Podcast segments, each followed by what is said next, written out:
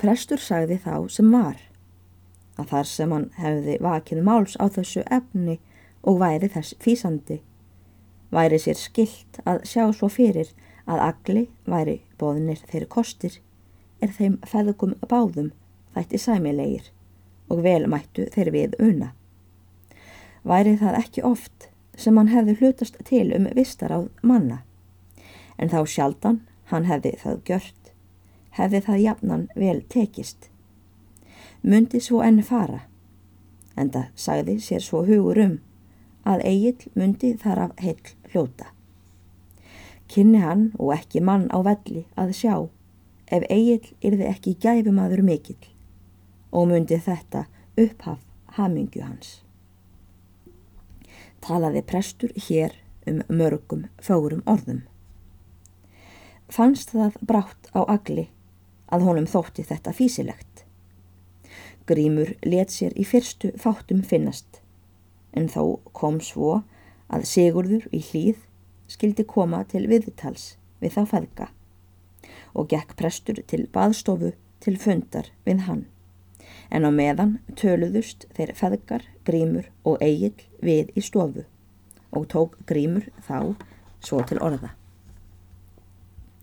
Ég þykist nú hafa orðið þess áskinja, sonur sæl, að þér sínist það all físilegt að ráðast til hlýðar og má það vera að það verði þér að gæfu eins og prestur getur á, því spá er spaks geta.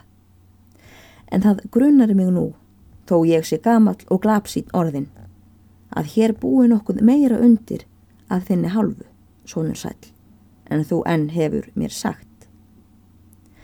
Datt mér áðan er Sigrún Þorstinsdóttir kom hér í stofuna í hug orð hins vísa síraks er þannig hljóða.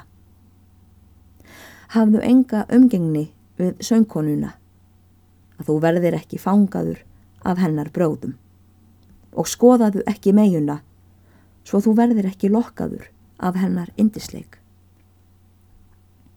Nú vil ég, sonur sæl, að þú segir mér hvort svo er sem mig uggir, að þér lítist vel á mig þessa og ef svo er, mun ég það ekki lasta, því svo getur hér verið sem Salomón segir. Þú rænir mig mínu hjarta, mín sýstir, með einu tilliti þíns auga og ekki vil ég fyrirmuna þér þann ráðahag. Því mér sínist megin efnileg vera og er ekki ólíklegt að þau hlýðar hjón gjöru hana vel úr gardi þar sem hún er fósturdóttir þeirra. Ó já, fadur minn, sagði Egil mikið skrækljóðaður. Mér líst dá vel á hanna og ætli henni lítist ekki líka á mig, ha? Það er mér ókunnugt, en gjör þú, drengur minn, sem þitt hjarta listir. En þó skal það vera í skilmálum milli okkar sigurðar, sagði Grímur að hann gifti þér meginna. Ef það er hennar fúsvilji og þér snýst ekki hugur, er þið kynnist betur. Egil þakkaði föður sínum fyrir tillögur hans og hvað sér þetta vel líka. Um sama mund kom prestur aftur í stofu og var Sigurður í för með honum. Býður hann Sigurði þar til sætis. Taka þeir nú allir tal og ræða fyrst á víð og dreif um veðráttu og fjárhöld, en síðan víkur prestur talinu aftur á því sem fyrir grímur hafði haft að umtalsefni. Hér er nú, segir hann, komin Sigurður minn í hlýð og hef ég sagt honum frá umræðu þeirri er við höfðum hér fyrir skömmu með hjálpari minn. Sagði ég honum að þér munduð ef til vill gjöra það fyrir mín orð og milligöngu að ljá honum svoniðar eigil fyrir vinnumann eitt ár eða lengur eftir því sem lagast og mönnum um semur. Hér eru nú allir sem hlut eiga að máli viðstattir og er þá best að hver segi sinn góðan og velbefengtan vilja. Mér er stærsta þökk á, sagði Sigurður. Viljið þér, grímur minn, ljá mér svoniðar eitt ár. Ég veit það mun vera efnilegur maður og vinnumann vantar mig En hverjir eru skilmálar sem þér setjið upp fyrir hans hönd? Já, ég ætla að gjöra það, segurður sæl. Fyrst presturinn minn hefur heldur talað að því, því svo segir postulinn. Hlýðið yðar kennifæðrum og látið að orðum þeirra. En ekki verður það skilmála löst, því and er mér um drengin. Hver sæmdarbóð býður þú, Sigurður minn, sagði meðhjálpari og velti vöngum að venju. Hvað sínist yfir, prestur minn, sagði Sigurður. Ég sting upp á fimm vætta kaupi fyrst. Það gjur ég mig ánaðan með, þó það sé ekki mesta kaup sem orðið getur. En meira líti ég á hitt, að hann hafi atlæti gott, því ég með það mikils, að því mér finnst það sannast oftast, sem predikarinn segir. Betri er einn nefi með ró, en báðar hendur fullar með sorg og armæðu. Og það veit ég, að illa myndi hann kunna við það, drengurinn, ef hann væri settur undir tortuna á hinum vinnumönunum því svo þekki ég hann að hann sver sig í þá ættina. Og loksins áskil ég það að fari svo að sonur minn gerðnist á ærlegan hátt, fósturdóttur þína, Sigurður minn, hann að Sigrúnu, þá skallt þú, Sigurður sæl, gifta honum hanna. Sigurður þagði fyrst, en sagði síðan eftir litla þögn.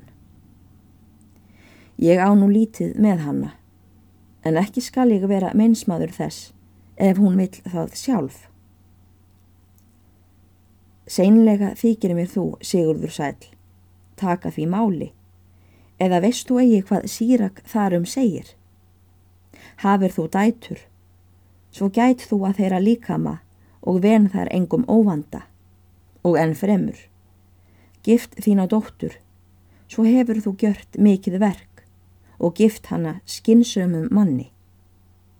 Eða hyggur þú hana vangefna sinni mínum? Sigurður hvaðast að vísu hyggja að það væri gott ráð, en hún myndi þó vilja mestu sjálf um ráða, en það væri hún nú hér, og væri best að bera það mál undir hana.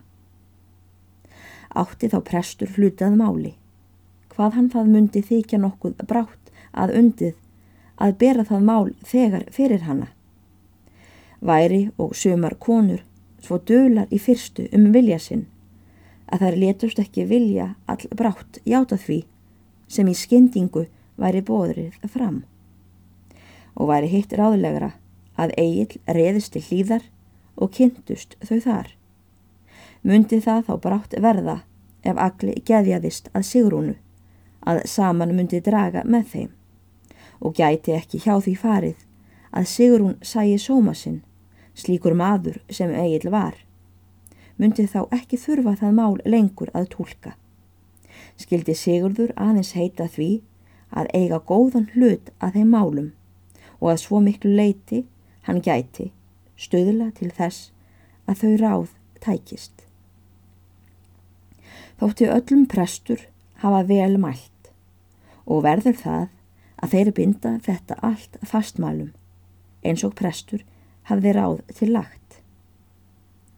Humaði þá prestur lengi, gekk um gólf, brosti í kamp og var hinn gladasti.